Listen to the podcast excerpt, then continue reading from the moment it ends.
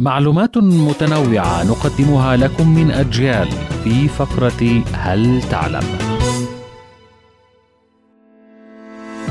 من الطبيعي أن تتكسر بعض الأطباق في الأعراس وخصوصا عند الاستمتاع بالرقص إلا أن الألمان كانوا يعمدون على تكسير الأطباق الزجاجية أمام منزل العروسين حتى يضطرا إلى تنظيفها سويا يعتقد الألمان أن هذا النشاط يمكن أن يقوي رابط الزوجين الجديدين ويعودهما على التعاون في الحياة. في السويد إذا قام العريس بمغادرة الصالة أو القاعة التي يقام فيها العرس لأي سبب من الأسباب، فمن المتوقع أن يبادر المدعوون إلى محاولة تقبيل العروس كنوع من العقوبة للعريس المهمل. كانت هذه فقرة هل تعلم؟ قرأها عليكم من أجيال محمد إبراهيم.